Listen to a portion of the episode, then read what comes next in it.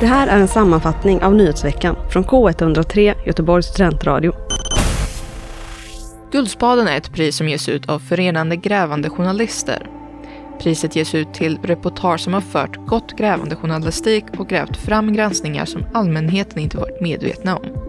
Priset delas ut 31 mars och 1 april. Göteborgs-Posten har två nomineringar inom kategorin storstadstidning.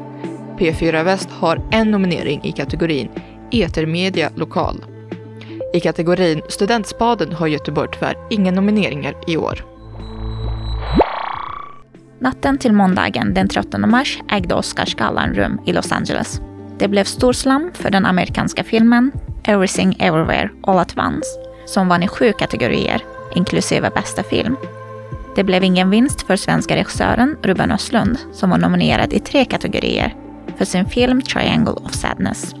Svenska låtskrivaren Ludvig Göransson belönades inte heller med någon Oscar för sitt bidrag Lift Me Up från filmen Black Panther Wakanda Forever. Den fortsatta globala uppvärmningen har haft som konsekvens att isarna på polerna fortsatt att smälta.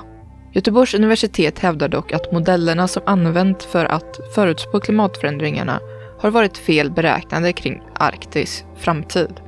Då GU anser att denna uppvärmning går mycket snabbare än förutspått. Då de tidigare använda modellerna underskattade konsekvenserna av det uppvärmda vattnet som orsakats av klimatförändringarna. Tipsa oss om nyheter på info k103.se.